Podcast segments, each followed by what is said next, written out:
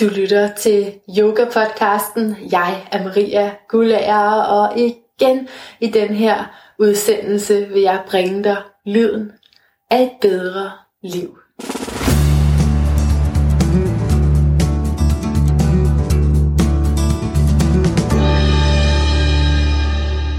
Der er noget i os, som alt tid ved, sådan siger min gæst i dag, psykoterapeut, healer og forfatter Jane Mejlhede. Hun er aktuel med bogen Min sjæl ved, og jeg vil anbefale dig at læse bogen, før du lytter til udsendelsen, for det kan godt blive en lille smule symbolsk og, og internt her, og du har sikkert mange bøger, du skal have læst. Men, men den her kan ramme rigtig mange, tror jeg, fordi der er så meget symbolik i den, og fordi den taler lige til dig, der er i gang med en personlig proces og i en eller anden udformning et sjæls arbejde.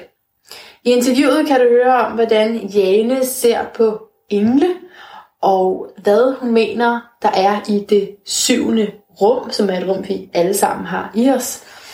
Og du kan høre, at hun svarer, når jeg spørger, om jeg lige kan få skiftet min essens ud, hvis det var en mulighed.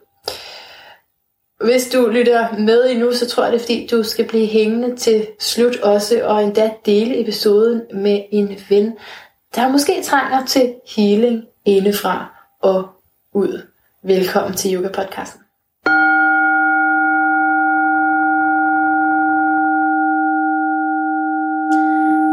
Jane Mejlhede, velkommen til Yoga Podcasten. Tusind tak skal du have, Maria. Jeg har glædet mig til at spørge dig om, hvad er det, min sjæl ved? For du har skrevet en bog, du har lige udgivet en bog, der hedder Min sjæl ved. Ja. Men hvad er det, den ved, Hvad den er det, sjæl? den ved? Ja. ja. Altså, øhm, det er jo sådan et stort spørgsmål, og jeg tænker, at der er lidt forskel på i virkeligheden, hvad er det, min sjæl ved, og hvad er det, din sjæl Hmm. ved. Så, så titlen på den her bog skal selvfølgelig forstås, eftersom det nu er mig, der er forfatteren, i en eller anden grad som, hvad er det, min sjæl ved. Men, men det din sjæl ved, er nok noget lidt andet, end det min sjæl ved. Og så, når det er sagt, så tænker jeg, at det er klart, fordi vi alle sammen er forskellige, så, så den viden, som vi bærer dybt i os, og som jeg så har valgt at kalde min sjæl ved. Det er klart, det vil være individuelt, og så er der på en eller anden måde noget i det også, som er noget fælles. Der er mm, på en eller anden måde, sådan som jeg opfatter det, et sted i os alle sammen, som ved. Mm. Og hvad det så er, vi ved, mm, altså for mig handler det meget om, den vores sjæl ved, eller det sted i os, som ved, ved noget, der er dybere end det liv, vi sådan umiddelbart går rundt og lever. Jeg ved, jeg skal have købt to liter mælk og Ja. en pakke havregryn på vej hjem. Men, men det sjælen ved handler mere om, sådan på et meget dybt plan, hvem er det, jeg er? Hvor er det, jeg kommer fra? Ja. Hvor er det, jeg er på vej hen? Hvad er det, jeg skal? Hvad er det, der er formålet med mit liv? Forstået som, nu siger jeg, hvad er det, jeg skal? Det kan lyde lidt som sådan en løftet pegefinger. Du skal Ja. Lytte til din sjæl. Eller noget, som er forudbestemt. Eller forudbestemt, men når jeg siger, hvad er det, jeg skal, hvor er det, jeg er på vej hen, hvad er det, min sjæls formål er, så tænker jeg det som, det er der, hvor jeg kan have mulighed for at udfylde mit fulde potentiale, ja. og bruge alle de evner og gaver, jeg har, og virkelig stå i mit lys og min kraft. Så det var alligevel meget. Ja, det, det er meget, den ved sjælen. Ja. Ja. Og, og, og, og, men er det så skjult for bevidstheden, når du siger, at det er ikke de her planer og tanker om, hvad man skal, det, det er dybere end det, så er der ligesom også en, en adgang, man skal have til sjælen, mm. for at man ved, hvad den ved. Ja. man ved, at man ved. Ja. Og man kan sige, det på en måde er det jo meget, at det den her bog, Min sjæl ved, som jeg har skrevet, handler om. Det handler om frustrationen, eller ja, alle de på en eller anden måde udfordringer, man kan have mellem, at man er udspændt mellem en eller anden dyb indre viden om virkelig, hvem man er. Mm. Hvad, hvad den her kraft og potentialet er. Ja. Og så noget andet, som er noget, vi jo har lært gennem livet, at her må du gøre sådan, her må du ikke gøre sådan. Det der er nogle følelser, vi ikke er så glade for.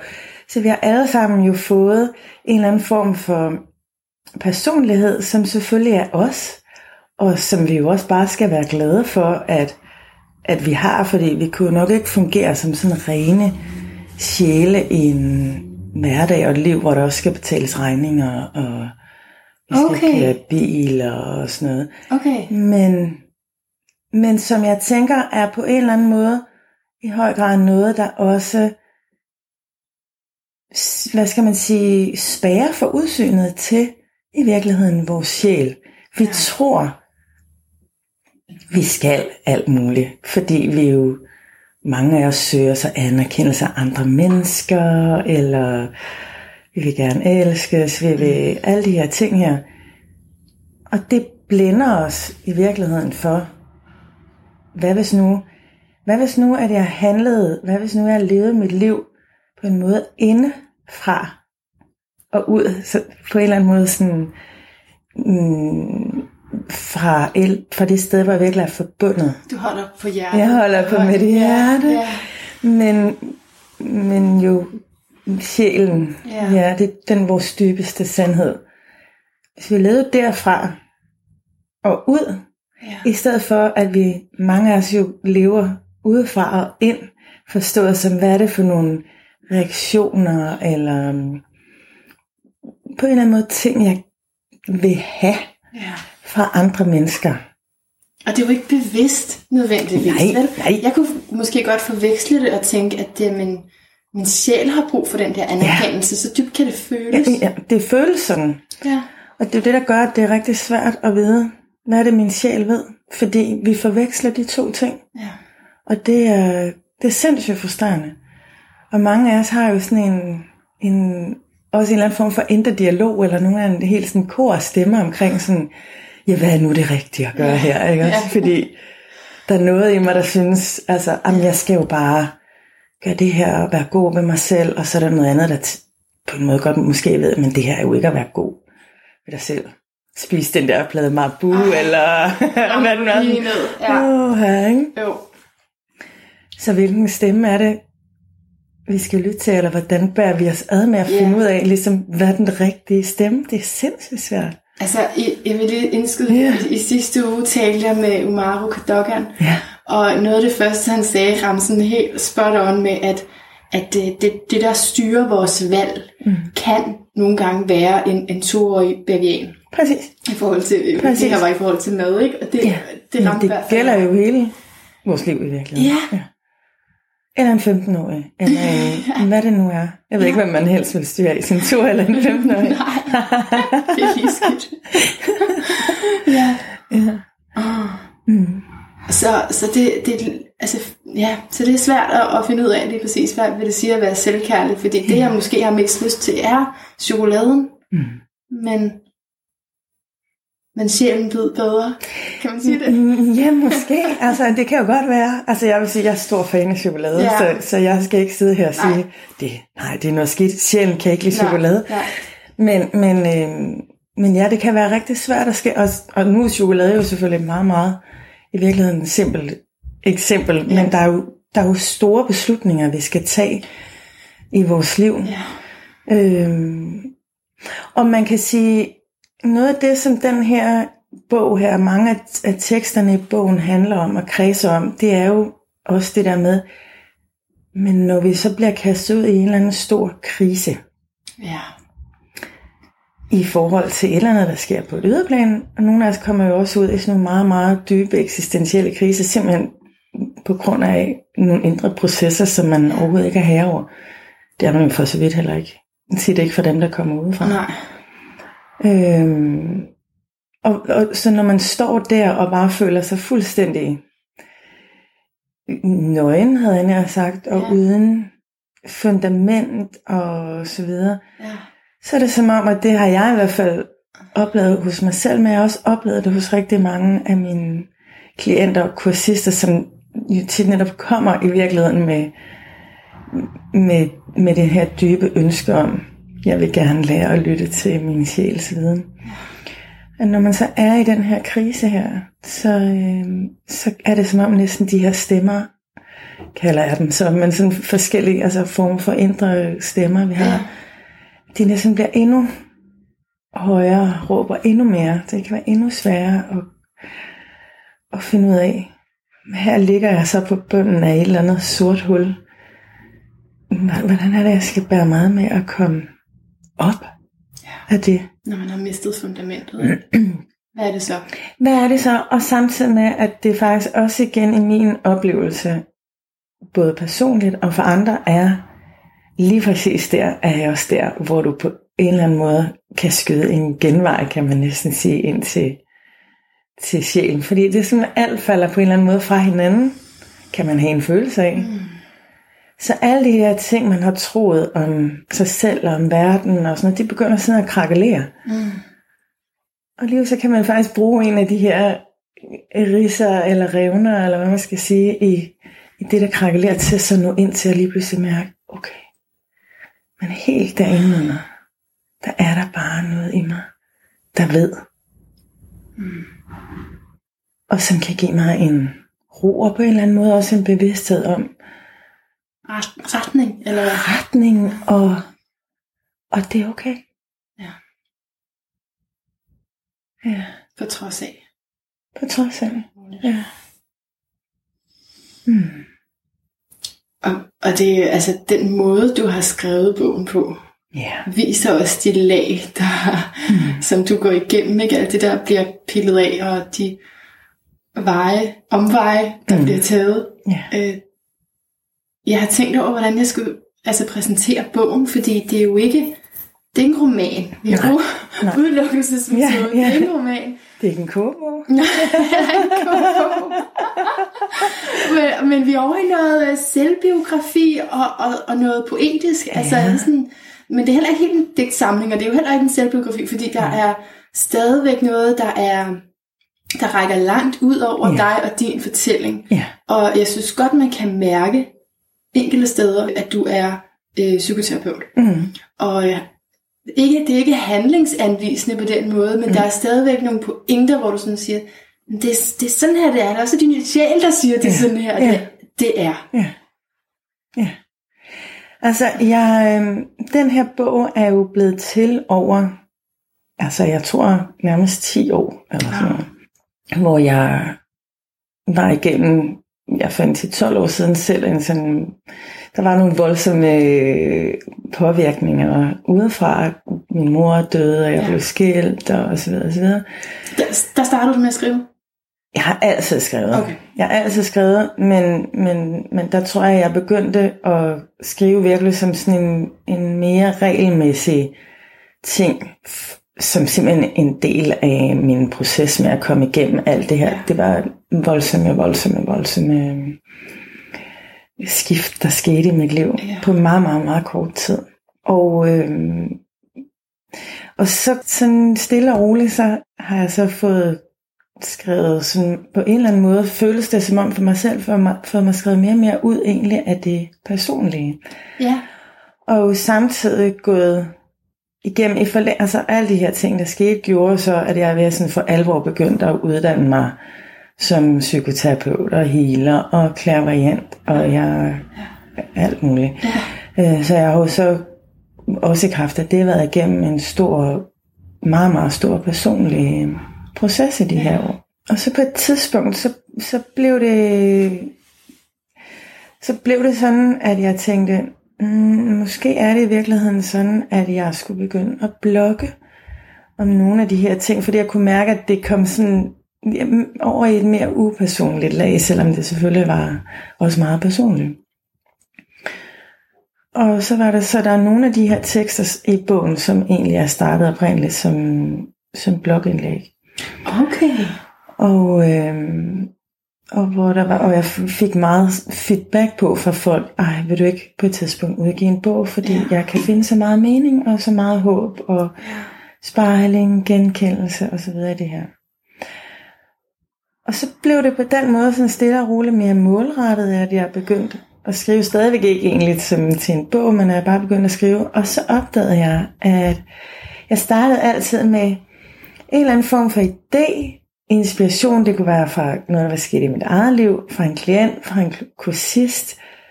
Det kunne være altså en blomst, jeg havde Altså det kunne nærmest være hvad som helst, hvor jeg sådan tænkte, hmm, jeg tror lige, jeg vil skrive et eller andet om det her. Og så havde jeg sådan en meget fast egentlig forestilling og retning på, det skal være den her slags tekst.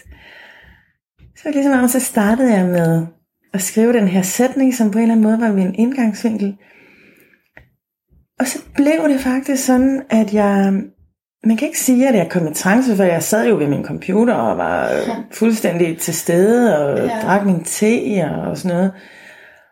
Men alligevel så kom jeg i en anden tilstand, så stort set alle de her tekster er skrevet på meget, meget kort tid. Øhm, og, og sådan uden pauser, og i en kørsel er det selvfølgelig blevet redigeret og sådan noget bagefter, men, men så har det været sådan, at når jeg var færdig med at skrive teksten, og har læst den, så har jeg tænkt, hvad er det her for noget? Altså, hvor kom det fra? Hvor kom det fra? Jeg har virkelig haft, og det lyder selvfølgelig meget sådan hula-bula måske for nogen, men jeg virkelig har haft sådan en fornemmelse af, med langt de fleste tekster, det er ikke mig, der har skrevet det her. Altså, og, og det er klart, det er det selvfølgelig, men, men det er altså blevet en helt anden tekst, end jeg havde forestillet mig. Og, og, og hvor, hvad kan man sige, sådan lidt banalt eller underligt det egentlig kan lyde, når det nu rent faktisk på papir er mig, der har skrevet det. Men så har jeg faktisk selv fået sådan en, har så været færdig med at skrive så har jeg haft sådan en, wow, Nå, det er det. Nu forstår jeg lige pludselig, hvad det her det handler om. Ja. Altså, så hele det her, nu ligger jeg her, og det føles som om, jeg er ved at dø på alle planer, fordi alting falder fra hinanden. Og lige så er det som om, så, skal, så kommer den der tekst og bare siger, sådan helt selvfølgelig enkelt formuleret, sådan, du er ikke været død, du vil have komme til live. Men udtrykt på sådan en måde, så jeg virkelig også har følt, ja, wow, jeg, det giver mig mening det her, det giver mig håb, det giver mig tro, for jeg kan faktisk mærke, uanset hvor det nu kommer fra, altså ja. jeg kan bare mærke, det er sandt. Og du bliver løftet op. Jeg bliver løftet op af det, ja. Wow. Jeg tænker, altså det, så den her bog, du, for det er sådan, jeg synes jo, man skal læse bogen. Jeg synes, det var en god idé at have læst bogen, mm. når man mm. hører dig tale her. Det vil være et rigtig godt til supplement. Mm. Øhm, og det kan også være lidt svært at, at tale om bogen øh, til en, der ikke har læst den, fordi den, den er så speciel, den skriver, jeg har aldrig læst sådan en bog før. Nej. Altså fordi den, den, den er cirkulær på ja. en eller anden måde. Jeg har flere, flere gange skrevet op, og så tænkte jeg, det har jeg, det har jeg, jeg har læst, ja. da jeg er gået tilbage. Ja. Men det er fordi, det, det var det samme emne, som du kredsede om fra en anden vinkel. Ja. Øh, for eksempel med din mors død. Ja som var mest i starten, så ja. jeg husker. Ja. Jeg synes, jeg ja. kunne genkende det, du siger der med, at det blev personligt i starten, og så ja. bagefter mere ja. sådan ud i noget af det, ja. det generelle. Ja. Men at det hele er noget, jeg kan spejle mig i. Og jeg har det tit sådan med, med bøger. Jeg har ikke så, så god en koncentrationsevne, så, så det vil være meget klassisk for mig, at jeg slået op på noget, og så havde læst det før faktisk. Ja. Ikke? Ja, ja, ja. sådan, Nå, øh, men ikke helt havde fået fat i det. Men det, det var så ikke tilfældet med din. Men, men så kan jeg godt være i tvivl om, øh, om jeg har forstået det rigtigt. Mm. Fordi hvis, hvis jeg måske har, har glemt at høre efter, hvad jeg selv mm. læste. Mm. Så jeg ja, mener, ja, det. I, i, i nogle af siderne.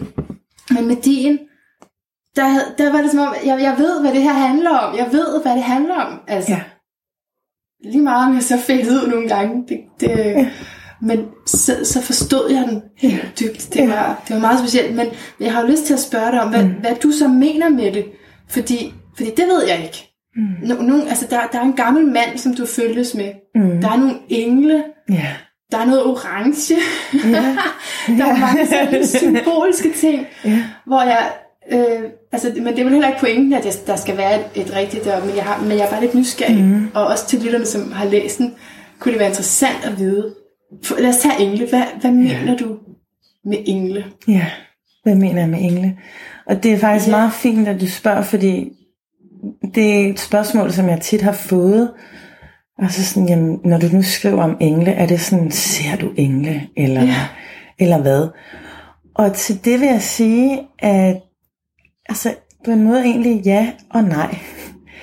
øhm, fordi det er ikke sådan, at, øh, at jeg går rundt øh, på gaden, og, og pludselig så står der sådan helt fysisk en eller anden øh, stor lysende figur med vinger foran mig, som jeg skal passe på, at jeg ikke går ind i. Men det gør der i bogen faktisk nærmest. Det gør der i bogen, det ja. gør der i bogen, og det er klart, at hele bogen er jo, rigtig mange af teksterne er jo meget metaforiske. Ja. Ja.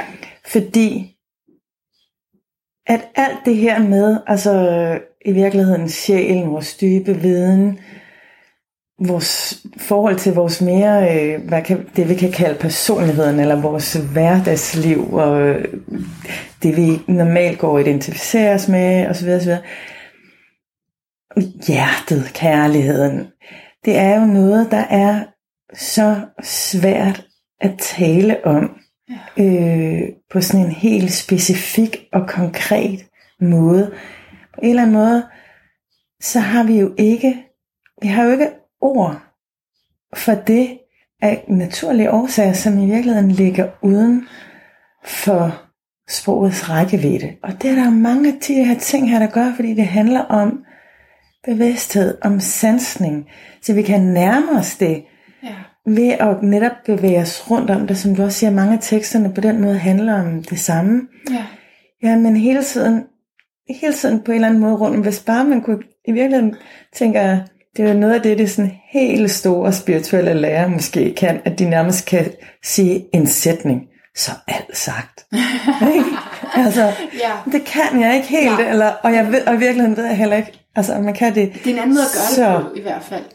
Så på den måde, tilbage til det spørgsmål, ja. så englene bliver jo på den måde også en del af en, en metafor, et billedsprog, symbolsprog, en måde at nærme sig det, vi ikke kan tale om, eller vi, der, til det sted, hvor sporet rækker. Når det er sagt, så er en del af mit job jo som, som healer, som, som spirituel vejleder, som, som underviser også i, i at lære andre mennesker at hele, det er jo, at jeg arbejder rigtig meget med energier. Ja. Og forskellige former for energier. Og, øh, og, og det, som vi kalder engle, det repræsenterer for mig en energi, eller nogle energier, som i hvert fald er større end det, jeg er. Som er mere kraftfuld, mere øh, lysende eller ressourcefuld. Og det giver god mening for mig, at, at vi bruger metaforen eller symbolet engle. Vi har jo også alle mulige andre øh, øh, symboler, når vi går ind i forskellige former for religioner, eksempelvis. Ja, fuldstændig. Og, som, og, for, altså, og for mig er det rigtig fint, at nogen måske kan se virkelig engle helt tydeligt fysisk, altså med deres fysiske øjne. Det, det kan jeg ikke, men jeg kan mærke noget. Jeg kan mærke en eksistens af, eller en tilstedeværelse af en energi. Okay. Og, og det vælger jeg så at kalde en engel, men, men, men, men jeg synes, at det, det er vigtigt, fordi når man, i hvert fald sådan, hvis man bevæger sig i meget spirituelle miljøer, så kan det også godt blive meget sådan englerøgelse, øh, altså, som, som bliver sådan en, ja okay, fint, men, men, men vi har jo også alle sammen et liv her på jorden, hvor der er ting, der skal gøres, og vi vil ting, og vi nyder ting, og vi alt muligt. Så, så... Jeg ser, du siger det. Jeg kommer til at tænke på i starten af bogen, at du øh, fornægter øh, Gud, og der skal ikke være... Ja, jeg skal sige, at jeg er altså fem år gammel. ja, ja, ja, ja. Men du ved utrolig meget i forhold til, ja. altså, en vild oplevelse ja. som femårig, ja. ligesom at have frabedt dig den der ja. dimension. Så, så det er en sjov øh, kombination, mm. også for mig at læse, ja. at du er ikke religiøs. Det holder du meget fast på. Ja. Ja. Jeg tror ikke på det der. Gud, han leverede ikke, da du var fem år. Nej, eller man kan sige, at jeg, jeg mistede nok i hvert fald troen på, på det på de religion, på de religion, Ja. på de religiøse systemer, Ja. øh, da jeg var meget lille, fordi altså på en eller anden måde var der et eller andet så i mig, måske var det jo min sjæl, Ja. som, som gjorde, at jeg var i stand til, i hvert fald på en måde, der gav mening for mig, at se igennem alt. På en eller anden måde, lium laum, der tit er forbundet med, med religioner. Og det er ikke, altså jeg har stor, stor respekt for folk, der er, er religiøse. Og jeg er jo også selv troende. Ja, det er det der, ja. Øh, men, men, men jeg er mere troende uafhængig af et system. Jeg tror, at, at de fleste religioner er, altså virkelig udspringer noget, der er meget, meget sandt og universelt for os alle sammen. Men at de jo også er blevet formet af, af det mere menneskelige. Ja. som lige pludselig gør, så er der blevet en masse regler og doktriner, og jeg ved ikke hvad. Og det, det jeg, jeg tror på, at vi, at vi i virkeligheden, det er jo også det, der er en del af pointen i min sjæl, ved, altså vi har sandheden, så vi kan sagtens bruge hinanden til at finde støtte og løfte hinanden, men, men jeg tror ikke på det der med, at nogen skal komme og sige, hvad er det, der er sandheden for dig, Maria, eller Jane, eller hvem det nu er. Og, og det er vildt at læse, at det er så tidligt, at du er erfaret det her, fordi at det, det er meget, meget smukt. Det er kun et års tid siden for mig. Ja. ja, Ja, fordi jeg er trådt ud af sådan en religion. Og, og, og derfor, øh, altså til lytterne, det vil også være forskellige tolkninger af, når man læser ordet engel, ikke? Jo. Og, og du har også sådan en, øh, en Jomfru Maria ja, øh, statue, som, Ja. som vælter Ja. yeah. et par gange, eller igen fra forskellige vinkler. ja, Så, så, så det er lavet symboler, mm. og med hvad det er så alt efter, hvor man kommer fra. ja, Men, det, men jeg forstår, at det betyder, jeg kan sagtens se, at det ikke er religiøst, den måde du, mm. du beskriver det. Og det er rigtig vigtigt pointe for mig i hvert fald, det der med ikke at prædike nogen sandhed for andre. Jeg vil rigtig gerne vise, hvad er det for nogle processer, jeg har været igennem. Ja. Hvad er det for nogle processer, jeg har oplevet, når mine klienter og kursister har åbnet op. Og så bruge det som en invitation til, at folk kan spejle deres egen proces Ja. ind i det. Ja. Og derigennem forhåbentlig kunne finde større retning, mening, tro, forbundethed til sig selv, kærligheden, hvad der nu, hvad der nu giver mening. Og, og vågne. Og vågne. det er Ja. min næste spørgsmål. Ja. Det, det, Godmorgen. Jamen, du bruger du tit det der med at, at vågne op. Ja. Øhm, der er også stillheden. Altså, jeg ved ikke, om det, er, om det er noget af det samme, men det, det, er, nogle, det er sådan nogle meget centrale emner, synes jeg, i mm. bogen. Mm. Øhm, og der er på et tidspunkt, hvor du bliver vækket. Ja. Og du vil helst ikke vækkes. Nej. Det er sådan, jeg sov jo lige, ja, Ja. men Mm. du, kan ikke, du, skal, ikke- du skal ikke sove nu. Eller hvad. Altså, det er Præcis. hvad, hvad er det der med at, at, at vågne? Det er at vågne op til sin egen sandhed? Ja. Eller? Jeg tror, og igen, altså, så, så det her med at vågne til sin egen sandhed, ja, det vil jeg meget betegne det på den måde. Mm, Sin egen dybeste sandhed, vil jeg mærke. Ja. Og det vil jo også være individuelt for os alle sammen. For mig konkret, så, så vil jeg sige, at det der sådan for alvor vækkede mig i første omgang, det var der for, for 12 år siden, da min, da min mor døde meget, øh, øh, sådan både voldsomt og, og alt, alt, alt for tidligt. Mm. Øh, og som jeg var, jeg var meget, meget, meget tæt knyttet til hende. Ja. Og hele den der erkendelse af, at det kom så tæt, det var selvfølgelig noget, vi ved, det godt rationelt, det vidste jeg selvfølgelig også, men det kom så tæt på det der med, wow, altså det her, det stopper på et tidspunkt. Ja. Og der er kun én eneste person, som har ansvar for, at jeg ikke skal ende som min mor, som i bund og grund sagde til mig, du må ikke gøre, ligesom jeg har gjort. Og leve et liv, som ikke er dit.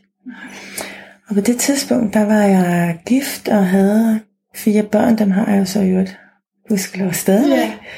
Ja. Øhm, Så, og, og, men og levede egentlig på den måde sådan et helt almindeligt, lykkeligt, i hvert fald i citationstegn, liv.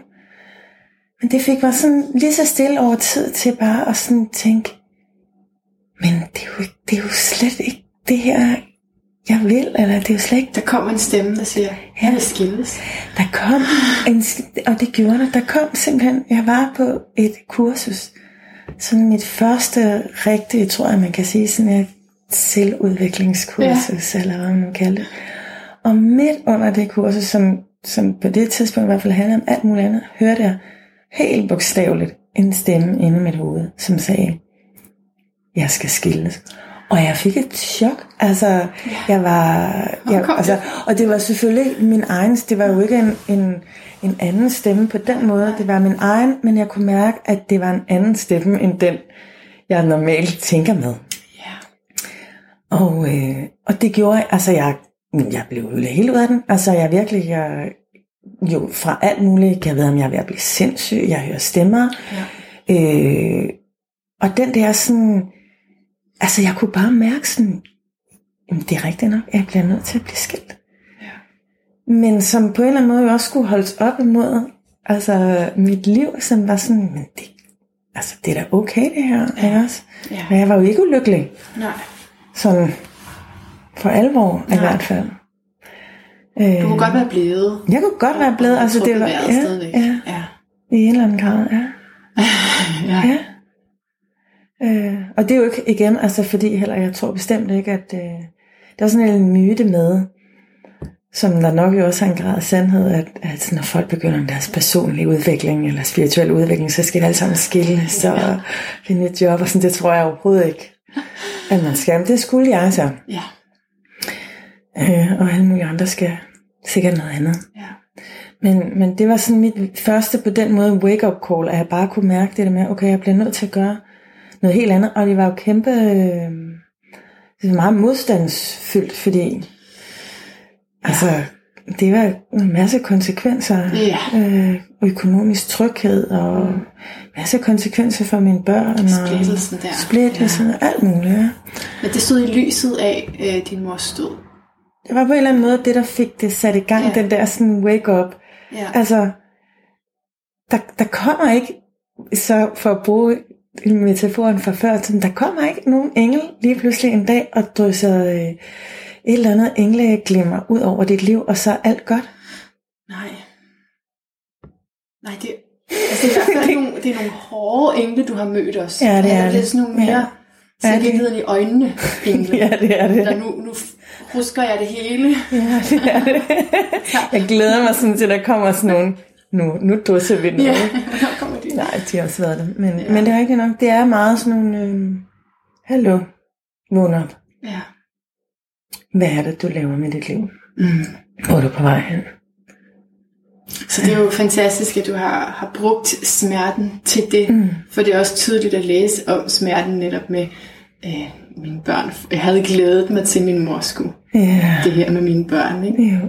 jo. Om hvad hun der ikke. Så, men at vende det om til så, mm. at det har en positiv indvirkning på Ja. dit eget liv. Ja. ja, det er jo i høj grad det, som jeg har brugt de her tekster til, og som jeg er ude, altså, og nu får det også til at lyde, som om jeg har haft et forfærdeligt liv, det har jeg overhovedet ikke, men, men som alle mulige andre, har jeg jo været igennem nogle ting, selvfølgelig, der, øhm, der er hårde og voldsomme. Øhm, og jeg ser det i hvert fald som en... Hvis ikke, man kan sige det på den måde, hvis ikke jeg havde formået også med hjælp og støtte fra andre selvfølgelig, men havde været, for- havde været i stand til at skabe på en eller anden måde mening i det smertefulde, jeg er gået igennem, så er jeg helt 100% overbevist om, at jeg ikke havde siddet her i dag som, som den person, jeg er. Ja, Fuldstændig. ja. Så det har på en eller anden måde været også sådan et nødvendigt Ja. livsvilkår for mig, Ja, at øh, det bliver jeg nødt til. jeg, jeg oplever det også sådan, det er det som om, der ligger et kald under, når man har gået igennem noget, så skal, Ja. du skal ikke gå, lade det her gå til spil. Nej, nej, vel? altså, Nej. det skal virkelig. Ja. Ja. Okay, øh, vi, skal, vi skal lidt videre her. Mm. Jane. Så det er jo fordi, jeg er begyndt at køre med sådan nogle runder, og nu skal vi til Spændende.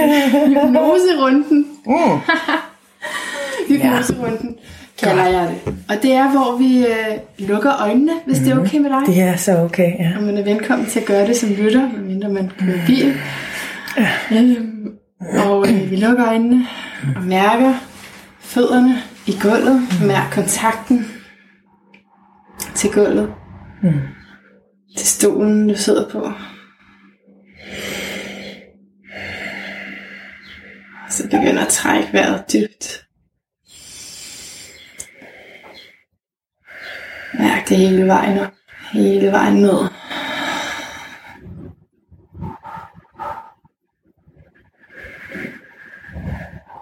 Og så hvad end der opstår her, så er det bare rigtigt. Du bliver i din krop og svarer fra din krop.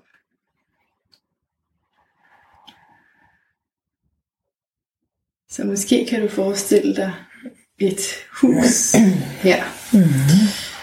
Og der er på et tidspunkt i bogen, hvor vi møder et hus. Og så vil jeg gerne spørge dig, hvis du kan forestille dig det her hus, mm. vingeformet hus, med syv rum i. Mm. Hvordan føles det at være i det syvende rum, hvis du kan fornemme det, som du sidder her med lukkede øjne? Altså, når jeg er i det syvende, det er inderste rum, så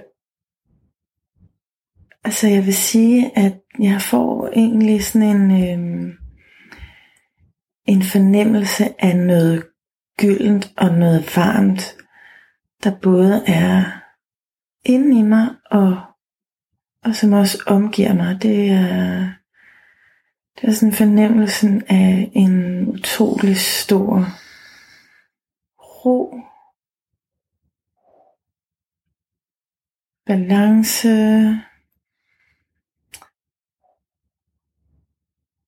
det er den her følelse af, at, at ude omkring mig kan der ske alt muligt. Der er, kan være kæmpe aktivitet og hektisk og så videre. Og jeg kan godt være en del af det, men jeg kan stadigvæk ligesom være herinde. Som gør, at jamen, uanset så, så er jeg ligesom i den ro og den balance. Det føles sådan meget, for mig bliver det både sådan en, en visuel, men også en kropslig fornemmelse af varme. Varme i kroppen. Varme i og om kroppen. Sådan en omsluttethed, som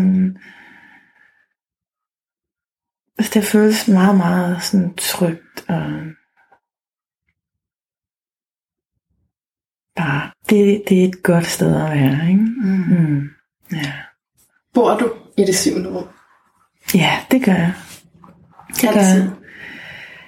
Ja, det vil jeg sige, at det gør jeg, men, men, men dermed, undskyld, men dermed ikke nødvendigvis være sagt, at jeg, fordi jeg bor der, er jeg så i stand til at opholde mig i det øh, non-stop, men, men jeg vil dog sige, at det, det er nok i virkeligheden det, der har været den største forskel for mig, eller over tid har udgjort den største forskel for mig, igennem alle de her processer, jeg har været igennem, at jeg rent faktisk er i stand til at være i en eller anden grad forbundet med det her inderste syvende rum. Næsten hele tiden. Ja. I hvert fald med en del af mig, ikke? Ja. Hmm. Og når du så er her, så kan du svare fra det her rum. Mm. Hvad vil du altid tro på? Er der noget, du altid vil tro på? Så jeg vil altid tro på, sådan, altså det ord, der lige kommer, det er det højeste. Øhm, og det, altså igen, jeg, det, sådan den måde, jeg, mit system er på, det er sådan, det bliver både meget sådan kropslig og visuel oplevelse af, at, at det højeste, at det, det både er noget i mig og uden for mig på samme tid, og det er forbundet. Og, og for mig i hvert fald ligger meget, meget, meget, meget tæt op af kærligheden, hvis ikke det måske er kærligheden. Wow. Og, men, men kærligheden Hmm. ser anderledes ud, end du troede. Står Ja. der et sted i bogen. Ja. Hvordan ser kærligheden så ud, når du er der, hvor du er nu? Øhm, altså hvis jeg igen skal svare helt herindefra, så, øh, så ser jo kærligheden jo alt fagnende ud. Der er ligesom, og så er vi igen lidt tilbage til det der med, jamen hvad skal man sige, der er ikke så mange ord, det er jo, det er bare det der er, og som fylder det hele, og som er i os alle sammen, mellem os alle sammen, rundt om, og altså, ja, Kan, kan, kan, kan man kæde det sammen med en, en polkastribet drøm? Jeg citerer bogen her. Mm. Mm, ja, altså den polkastribede drøm, den tekst handler jo handler jo om i virkeligheden den her længsel efter øh, også noget på det mere personlige plan, at det må være den her længsel, som vi alle sammen har efter øh,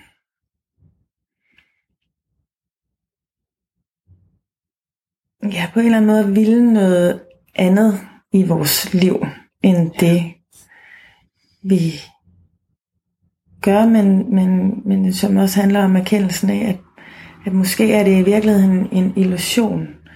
At, altså det der med, at vi, vi mange af os har sådan en, hvis bare der sker det og det, eller når bare jeg når der derhen, så bliver livet godt, så bliver jeg lykkelig.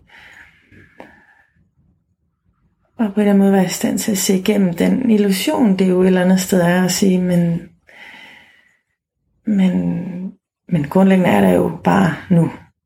Ja. Så det kunne egentlig lige så godt, at det er nemt sagt, ved jeg, men, men i princippet kunne vi alle sammen lige så godt være lykkelige nu, mærke kærligheden nu. Slut. Og ikke skulle nogen steder hen. Hmm. Alright. Hmm. Jeg skal til at have dig ud af trancen igen. Nu kan jeg gå op ad nogle trapper. ja, Og komme tilbage, når du er klar. ja, det er jeg vil sige, Ja. jeg vil sige at, øh, at du, øh, du taler meget ens. du er hypnotiseret eller ej, så jeg kan godt mærke, at du forhinder dig i det, man kan kalde det syvende rum. Ja. Som er en henvisning til bogen, hvor du beskriver et hus med forskellige rum, hvor man kan ligesom leve ud fra, ja, kan man sige det sådan. Ja. ja. Men, øh, det er mit hellige rum, kan man sige. Ja, ja, det er der, hvor ingen andre kommer. ja, Det er, det er mit. Ja, og derfra tænker jeg i hvert fald, at det, det er godt for mig, men nok for de fleste, hvis man kan leve sit liv derfra. Man skal stadigvæk være ude i, i alle de andre rum og interagere med andre mennesker og verden og alt muligt. Hvis du bevarer kontakten til det sted, så øh, og, og, og det er uanset, mm. hvor du bor rent fysisk. er det ikke noget med, med hvor jeg bor overhovedet. Nej, nej. Nej, det er jo et, altså, igen, det er jo et sted inde i mig. Ja. Ja. Okay, vi skal lidt, lidt uh, dybere her. Vi skal, øh, eller det, det er dybt nok, ikke? Det er på den måde. Men Nå, næste runde her, næste runde hedder Livet som ekscentriker, og det Ja, er, er mig, der kalder mig selv ekscentriker. okay. Og jeg, jeg har også fået nogle henvendelser omkring det der, fordi at, øh, hvorfor, hvorfor skulle jeg være så særlig, at jeg kalder mig selv det? Men egentlig er min pointe med at sige, at jeg er sådan en, der afviger fra midten, at, mm. at det, det tror jeg, vi alle sammen er. Ja. Vi skal bare ture og, og være det Ja. også. Ja. Så nu tør jeg at spørge dig om nogle ting. Jeg var lige inde på, på kærligheden der mm. før. Mm. Øh, altså, altså så fordi du, du møder kærligheden i bogen, og så er du bare sådan, "Jamen, hvem er du? Ja. Det, ligner, det ligner ikke den kærlighed, jeg Nej. har regnet med. Nej. Og, og, og jeg kender jo godt til den her, det her med, at vi er kærlighed, og, og det er over det hele. Men bare sådan helt ærligt, så kan det godt lyde lidt kedeligt, Ja. hvis man er single, og gerne vil have Ja. den store Men der er kærlighed. kærlighed over det hele, Ja. Maria. Bare træk vejret ind i det, ikke også? det det. Så hvad med den romantiske kærlighed? Ja. Ser den også helt anderledes ud, når man møder den? Mm, altså, det tænker jeg sådan lidt i virkeligheden også er et ja og et nej. Fordi det er klart, selvfølgelig må vi jo altså forelske os og, og være jo i... Altså, jeg, jeg er stor fortaler for, for virkelig sådan det helt konkrete fysiske liv, også med alle de glæder og nydelse og sanselighed og altså alt muligt sommerfugl i maven. Men, Og, men du skriver, at kærligheden ikke behøver, at, at, man, at man ikke, et eller andet med, at man ikke behøver at være betaget mm, af hinanden, at det ikke, Ja. at det ikke er det, der er Ja. kærligheden. præcis, præcis. Ja, om, og et eller andet sted vil jeg jo sige, men, men måske både og, at det ene jo ikke udelukker det andet. Men, men det, som jeg vil sige, det er, at, at jo mere vi forbinder os med den her mere abstrakte kærlighed, kærligheden, den som jeg også skriver med, med stort K i, i bogen, Ah, ja. jo mere vil vi faktisk have også en oplevelse af, at den her mere sådan forelskelse, betalelse, som jo i virkeligheden grundlæggende sådan ud fra et altså psykologisk perspektiv jo for mest handler om projektioner og, og selv og Ja. så videre, og så videre, Ja. at det forandrer sig, fordi vi er i stand til at møde hinanden fra et meget mere renere og skarpseende sted. Så det betyder jo, at kærligheden kan blive meget, meget større, dybere, finere, også mere kraftfuld, voldsom, whatever, der nu også passer til dig og dit temperament. Men, men, men min oplevelse er, at Altså eksempelvis det der med at være forelsket, ja, det er jo fantastisk, men det er også noget af det mest redselsfulde i hele verden. Ikke også? Ja. Og det bliver man jo på en eller anden måde taget ud af. Ikke nødvendigvis betalelse, men, men, men i hvert fald det redselsfulde, for man bliver i stand til at se simpelthen mere klart igennem. ja, fordi det er et fængsel, synes Ja, jeg det er også. et kæmpe fængsel. Altså, jeg hader det. I hvert fald, Jeg hader det. Man er ligesom bundet af hinanden, Ja. hvad den anden gør hele tiden, ja. jeg synes. Det er det, ja. Så på den måde, så, så synes jeg jo i virkeligheden, at jo mere vi mærker den sande kærlighed, og jo i høj grad også vores egen, og så kærligheden til os selv, rummeligheden Ja, for os selv, accepten af os selv, jo mere vi er i stand til at mærke det, jo dybere er vi er for- i stand til at forbinde os med andre mennesker, og jo større bliver den mere, kan man sige, sådan jordiske kærlighed jo også, ikke? ja. synes jeg.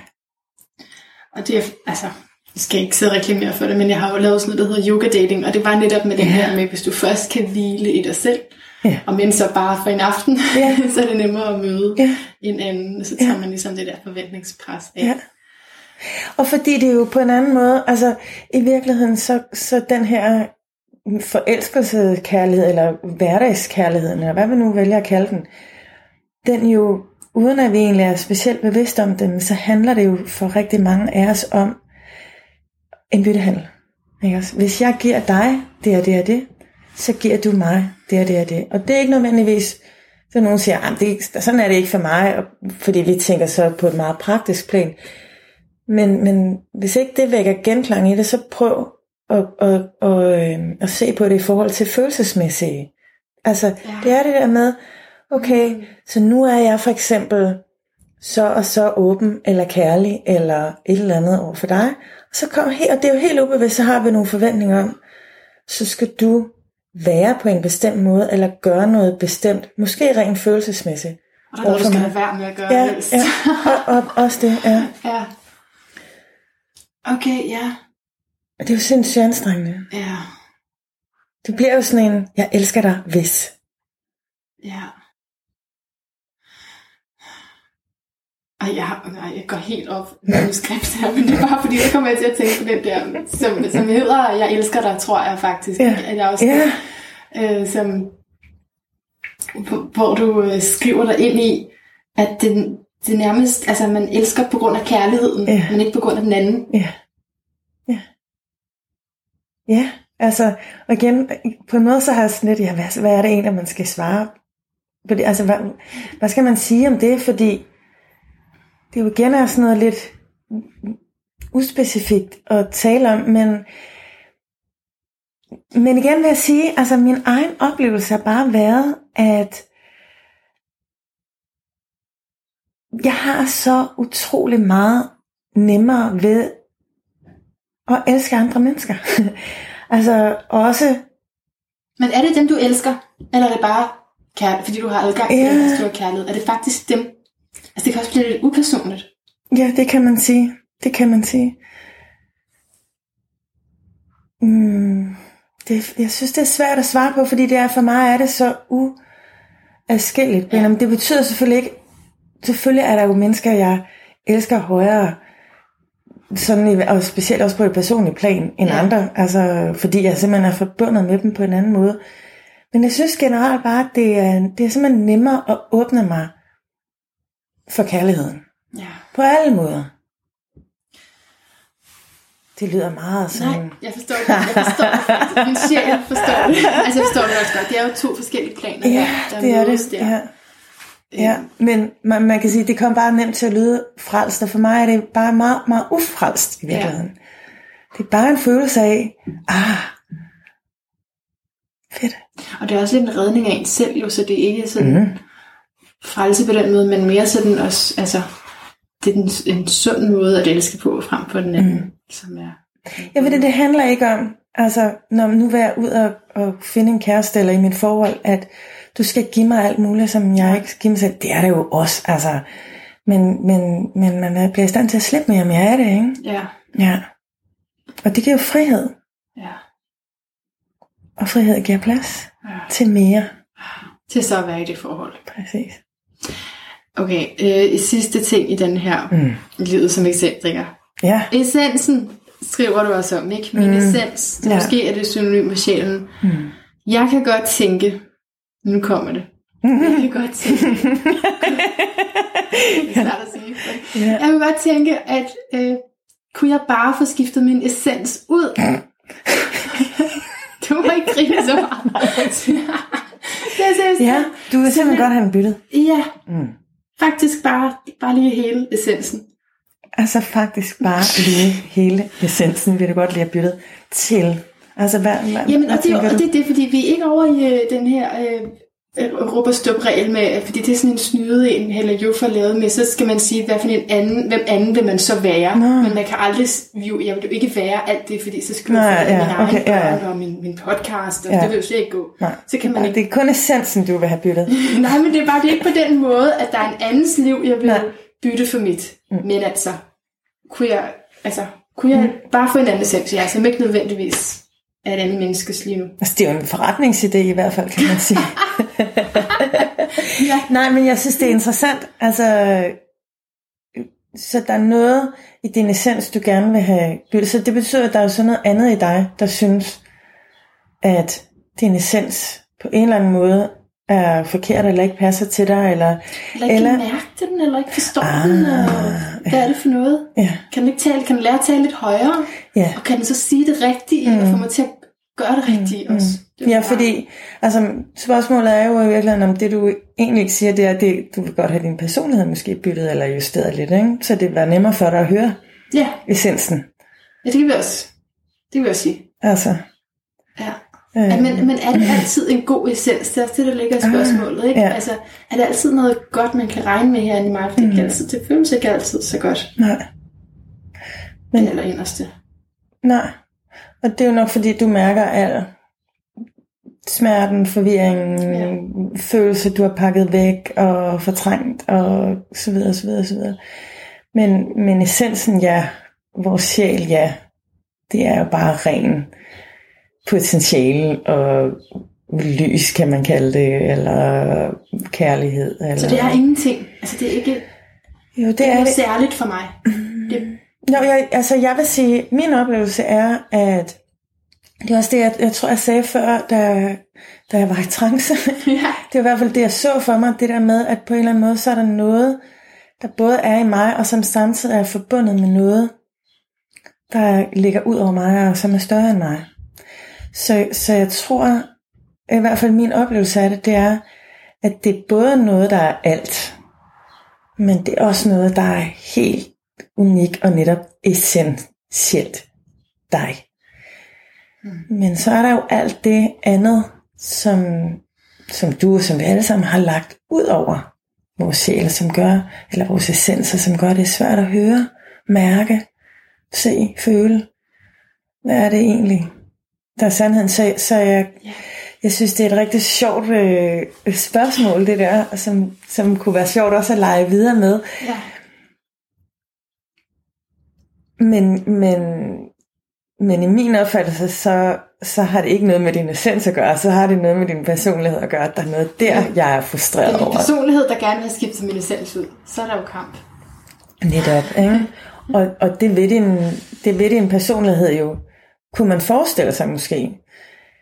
Fordi at der i virkeligheden er noget i din sjæl, der begynder at kalde mere og mere, presse sig mere og mere på. Ikke? Og så ja. tænker din personlighed, no way. Altså, mm. det, det, vi ved, hvad vi har. Vi bliver her ved det, der er godt og trygt. Og nu har endda lige læst en bog, hvor der står, Åh, det føles som om, man er ved at dø og falde fra hinanden, hvis øh, sjælen skal mere bane. Vi går ikke den vej. Kom, godnat og farvel, ikke? Så Jeg vil, jeg vil, jeg vil sige, jeg har, jeg har været, jeg kan genkende det der sted med at falde, altså, ja, falde ud af mig selv også. Og, og væk fra alt, hvad jeg troede var rigtigt. ja, Øh, Men, men hvad det så lige er, der er min kerne, og hvad, og hvad, hvad det vil sige at finde sandheden inde i mig, mm, den har jeg ikke løst endnu. nej. Og, og, og der kan jeg godt blive sådan lidt, kan, altså, kunne jeg, kunne jeg få en lidt klarere essens? Ja. Eller, Altså det tror jeg, at vi alle sammen kan, og det, altså, det er jo noget af det også, som, som, som jeg arbejder rigtig meget med, med jo ikke bare i forhold til mig selv, men også i forhold til, til når jeg holder kurser og har klienter og sådan noget. Øhm, og faktisk har jeg lige, øh, er ved at sætte et nyt forløb op for kvinder herhen i København. Hen som gerne vil have skiftet deres ud. Nej, men som, som netop kommer til at hedde Min sjæl ved Ja. som handler om ikke, hvordan får vi skiftet vores essens ud, eller sjæl ud, men hvordan er det, vi bliver bedre til at, øh, at kunne mærke, se, føle, altså forbinde os med det, der er sandt. Fordi det der jo er, det er, altså det er ikke noget, det er jo ikke et quick fix, det er jo ikke sådan, at vi lige knipser med, med fingrene, og så, øh, og så ved vi alt. Altså der, vi skal gøre noget. Okay, det vil jeg, nu vil jeg gerne gå til næste runde Ja. med det der. For det næste runde er sidste runde, og det er de upassende spørgsmål, som okay. der ikke var plads til Ja, undervejs. Meningen er, at jeg skal ligesom reservere alle de upassende, så de kommer her til sidst. Ah, okay. Øh, bare fordi, at så man holder sig nogenlunde til det, man ja. Ja, har tænkt. Ikke? ja. Men så, så har jeg nemlig tænkt på det her med, at kan, kan man... Øh, okay, vi kan ikke skyde genvej. Det hører jeg tit. Ja, bypassing. Mm. Det er fint nok, at vi ikke kan skide genvej. Mm. Men behøver jeg vente til jeg er 40 år? Jeg sidder tit ved tandlægen og bladrer de her øh, sådan nogle magasiner igennem, mm. som er for 40 plus mm. målgrupper. Så, så altså, når man kommer igennem opskrifter og reklamer, så indimellem så er der en, lille, altså, en halv side, som handler om livsvisdom. Ikke? Mm. Har jo næsten ikke råd til mere i sådan nogle magasiner. Nej. Men, men så er der et eller andet der, hvor jeg tænker, hvordan skal jeg leve livet? Og så ja. suger jeg det til mig. Og tit er det sådan, jeg fandt først ud af det, da jeg blev 45. Ja. Kan jeg ikke nu? Altså, hvorfor skal jeg vente til det? Er det ikke, er det ikke meget smart egentlig at Jo. gå i gang nu? Jo, jo, altså et eller andet sted jo før, jo bedre. Altså så længe du er, er trods alt blevet voksen, kan man sige. Ikke? Altså, øhm, Er det en forudsætning? jeg ved ikke, om det er en forudsætning, men, men man kan sige, så længe du stadigvæk, altså så længe din, din personlighed stadigvæk er under rimelig voldsom udvikling, som den jo er op igennem teenageårene. Ja, så, okay. så selvfølgelig kan du arbejde med dig selv, men, men der handler jo virkelig også mere om, at du skal lande i din personlighed først. Ikke også? Okay. Ja. Øhm, men ellers vil jeg sige, jo, altså, og jeg oplever også, at øh, faktisk få flere og flere øh, yngre, altså sådan helt ned i, øh, i starten af 20'erne, der kommer øh, både på kurser og, øh, og som klienter også, og, og det fede ved det er jo, at de rykker bare så meget, fordi de har bare ikke, jeg tror, et eller andet sted tror jeg, som der er noget, inden, der er mere intelligente på, på sådan et sjæleligt plan, hvis man kan kalde det det, end, end generationen over Okay. er, eller før er, øh, som jeg jo repræsenterer. Men, men udover det, så har de jo heller ikke så mange år, hvor de bare har læret og ankret den ene tunge overbevisning og tankemønster osv. oven i hinanden. Det er fordi også de der autopilotmønstre, ikke, som Ja, kommer som op, bare- når, når livet bliver svært, for eksempel, så Ja, kommer de der ting op, man har lært. ja, og det har de ikke på samme måde. Altså, de har jo... Så, så jeg tænker, jo jo, det er da bare øh, at komme i gang. Men igen er det jo det der med, at der skal jo noget... Altså, folk vælger jo ikke bare at sige, Nå, nu vil jeg gå i terapi, eller nu vil jeg øh, gå i gang med en spirituel rejse, eller sådan noget. De fleste af os har jo brug for en eller anden form for wake-up call, for at vi finder ud af, wow, måske er der noget her, jeg ligesom skal rette min opmærksomhed mod. De færreste af os gør det bare. Ja. Men jeg synes, det ville da være en god idé, hvis jeg gjorde det. Ja, ikke? Jo. Altså, fordi der, der er jo mange, som, som lærer noget af det samme, kan, kan man høre, Mm. når man bliver en vis alder. Ja, Så er der jo ikke nogen grund til at gentage alle de der fejl. det skulle man ikke synes, nej. Indtil man kommer ud i det virkelige liv. Ja. Ja. ja. Men jeg vil i hvert fald sige, at man kan jo blive dybt inspireret, og du har været inspireret, da du skrev den her, når man læser bogen, øhm, og sætter sine egne symboler ind. Mm. Ja. Øh, Jeg tænkte faktisk på, om vi lige kunne læse fra... Altså, jeg har skrevet sidetal ned, men jeg har jo selvfølgelig kun e-bogen. Ah, Men fordi det er noget med, med kvinden ved bjergets fod, oh, ja. som jeg også blev nysgerrig på at spørge ind til, hvad lige var. Øh, Nu skal jeg se. hvem der finder det først. Den har jeg her.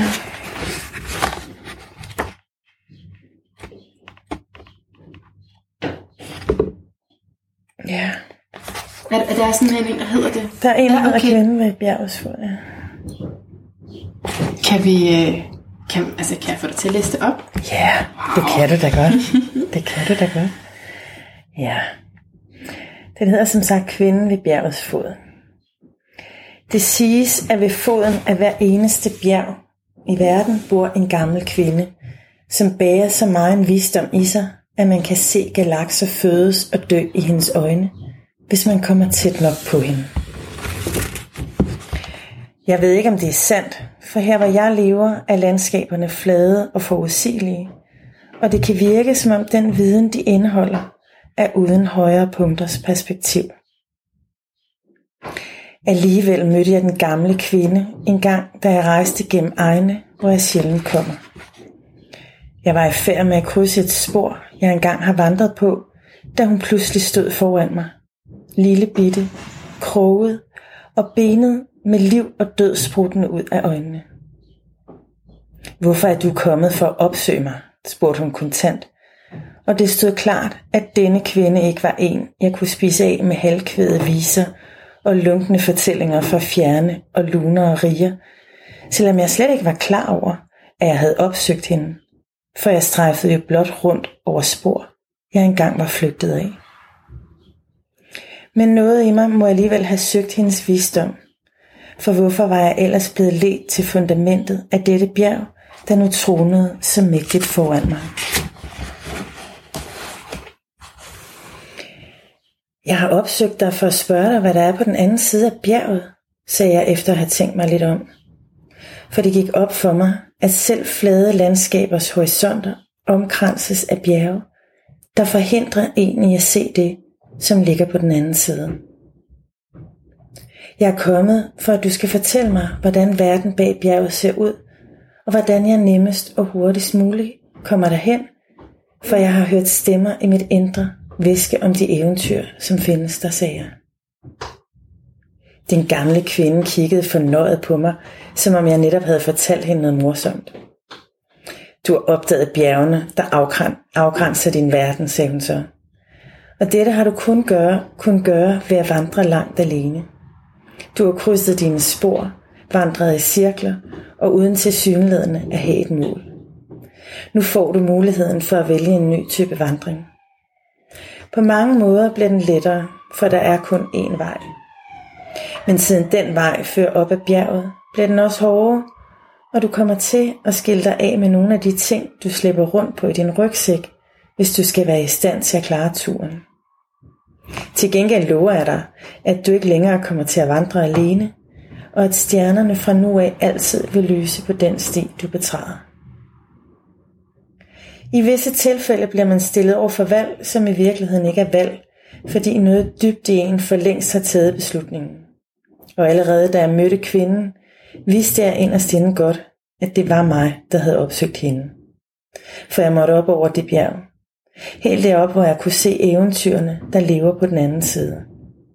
Og kvinden havde ret. Siden den dag har en engel altid vandret med mig. Wow. Forstod du, hvorfor jeg gerne ville have dig til at, at læse lige præcis det her? Nej. Nej. du har mange, du har mange af dem. Men, men det er den her... Altså, det, det er os, der er kvinden, eller... Altså, som står der og bliver konfronteret med alt det, der holdt ikke tilbage. Ja. Bjergene.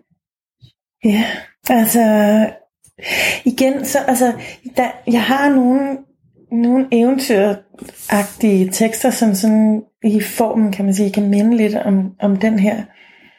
Og igen er det jo den her med, sådan, altså jeg vidste ikke selv, hvad jeg gik i gang med at skrive, da jeg, da jeg skrev det her, men, men det er klart, at der er noget i mig, og, og jo også i andre, som, som godt kan genkende det her billedsprog af, men der er noget, der på en eller anden måde for, forhindrer os i at, at se videre. Ja. Og der er også noget i os, og her er det så repræsenteret ved den her gamle dame, som ved, som har en eller anden viden, som vores, altså mere sådan hverdagspersonlighed, eller hvad vi nu skal kalde den, øh, ikke lige har sådan umiddelbar adgang til. Men, men hun er i os. Men hun er i os, ja.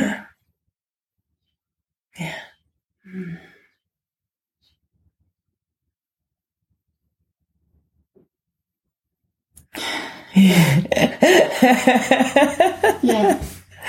ja. Ja, og så, altså, ja, så, så det er det her symbolsprog. Men man kunne godt håbe at møde sådan en kvinde. Mm. Som, men du siger så også, at du har selv opsøgt hende. Mm. Så du har selv tunet dig ind Ja. på det sted i dig. Ja. Men jeg er helt overbevist om, at vi alle sammen, altså kender også, vi har jo, vi har tilgang til meget, meget mere visdom og viden og ressourcer, end, end vi ved. Indimellem, så er det jo bare sådan, at vi, altså, på en eller anden måde er der noget, der, der er noget, der er nødt til at falde sammen, for at vi kan komme ind i den sprække, hvor de ressourcer, de bor den viden, er til rådighed. Det er fantastisk at høre dig snakke, Jane, fordi ligesom at, at læse, altså, øhm, og det der sprække, det er også et ord, du får meget. Jeg elsker sprækkerne. Øhm, og, og, og også, at, at her i den her tekst, var det også noget med at have gået i ring, ikke? Mm. Og, og, og bogen, altså den tillader mig at komme Ja. ind fra forskellige vinkler. Mm. Også, fordi det er jo det, man i livet godt kan føle. Jeg burde have lært det her nu. Ja, Jeg burde min sjæl Ja. have vidst nu. ja. Ikke? Altså, Nu står du her på denne dag og kan kigge tilbage på en ret linje, ikke? ja. Ja, eller... Men, men så det er, det er sådan, det er. Mm. Altså, Ja, at leve. ja, At man kommer omkring til nogle gange, men fra forskellige vinkler og på forskellige tidspunkter i livet. ja. Ja, og jeg tror, at der er jo ikke nogen virkelig sådan af vores grundtemaer, eller hvad vi skal kalde dem, som på den måde slipper helt. Altså jeg tror, der er nogle ting, vi kommer til at bære med os i en eller anden grad. De har præget os så dybt igennem vores liv. Ja. Men igen kan vi, vi kan lære at, at slippe dem mere og mere. Og det der så er tilbage, kan vi jo så lære at transformere til noget andet og, og forstå, hvordan det også kan være i nogle tilfælde en gave til os, men i andre tilfælde måske bare noget, som vi kan lære at rumme og acceptere på en anden måde. Jamen, sådan er jeg også. Det er også mig. Og det er okay. Ja. Jeg er okay. All of it. All of it, ikke? Ja, også selvom jeg nogle gange lige kommer til at gøre eller noget, jeg tænker, ah, nu gjorde jeg det igen, nu gjorde jeg det igen. Jeg troede, jeg havde været igennem det her arbejde så meget med det. Ja. ja. Men velkommen til den menneskelige verden, ikke? Altså, vi er jo mennesker. Tak, Jane Mindful. Jeg skal fortsætte, så nu er til Tak. Tak. Slut. Selv tak, Maria. Det var rigtig dejligt, at du har lyst til at invitere mig herind. Ja, men jeg håber ikke, at du har forventet en mere professionel Jeg synes, du har været enormt professionel. Jeg har læst bogen i hvert fald, ja. og, og det vil jeg anbefale alle at gøre. Mm. Fordi den er for vild. Så tak, fordi du har skrevet den. Ja, men ja. Tak mm. til dig. Og tak til dig, fordi du lyttede med. Læg en review på iTunes, hvis du har det i dig. Tjek facebook.com yoga-podcasten og slå så mange gode ord op øh, om den her episode, som du overhovedet kunne tænke dig. For jeg vil så gerne have, at yoga-podcasten bliver delt, så vi kan høre, hvordan kan vi leve det her liv, uden at øh, gå helt altså i spåner.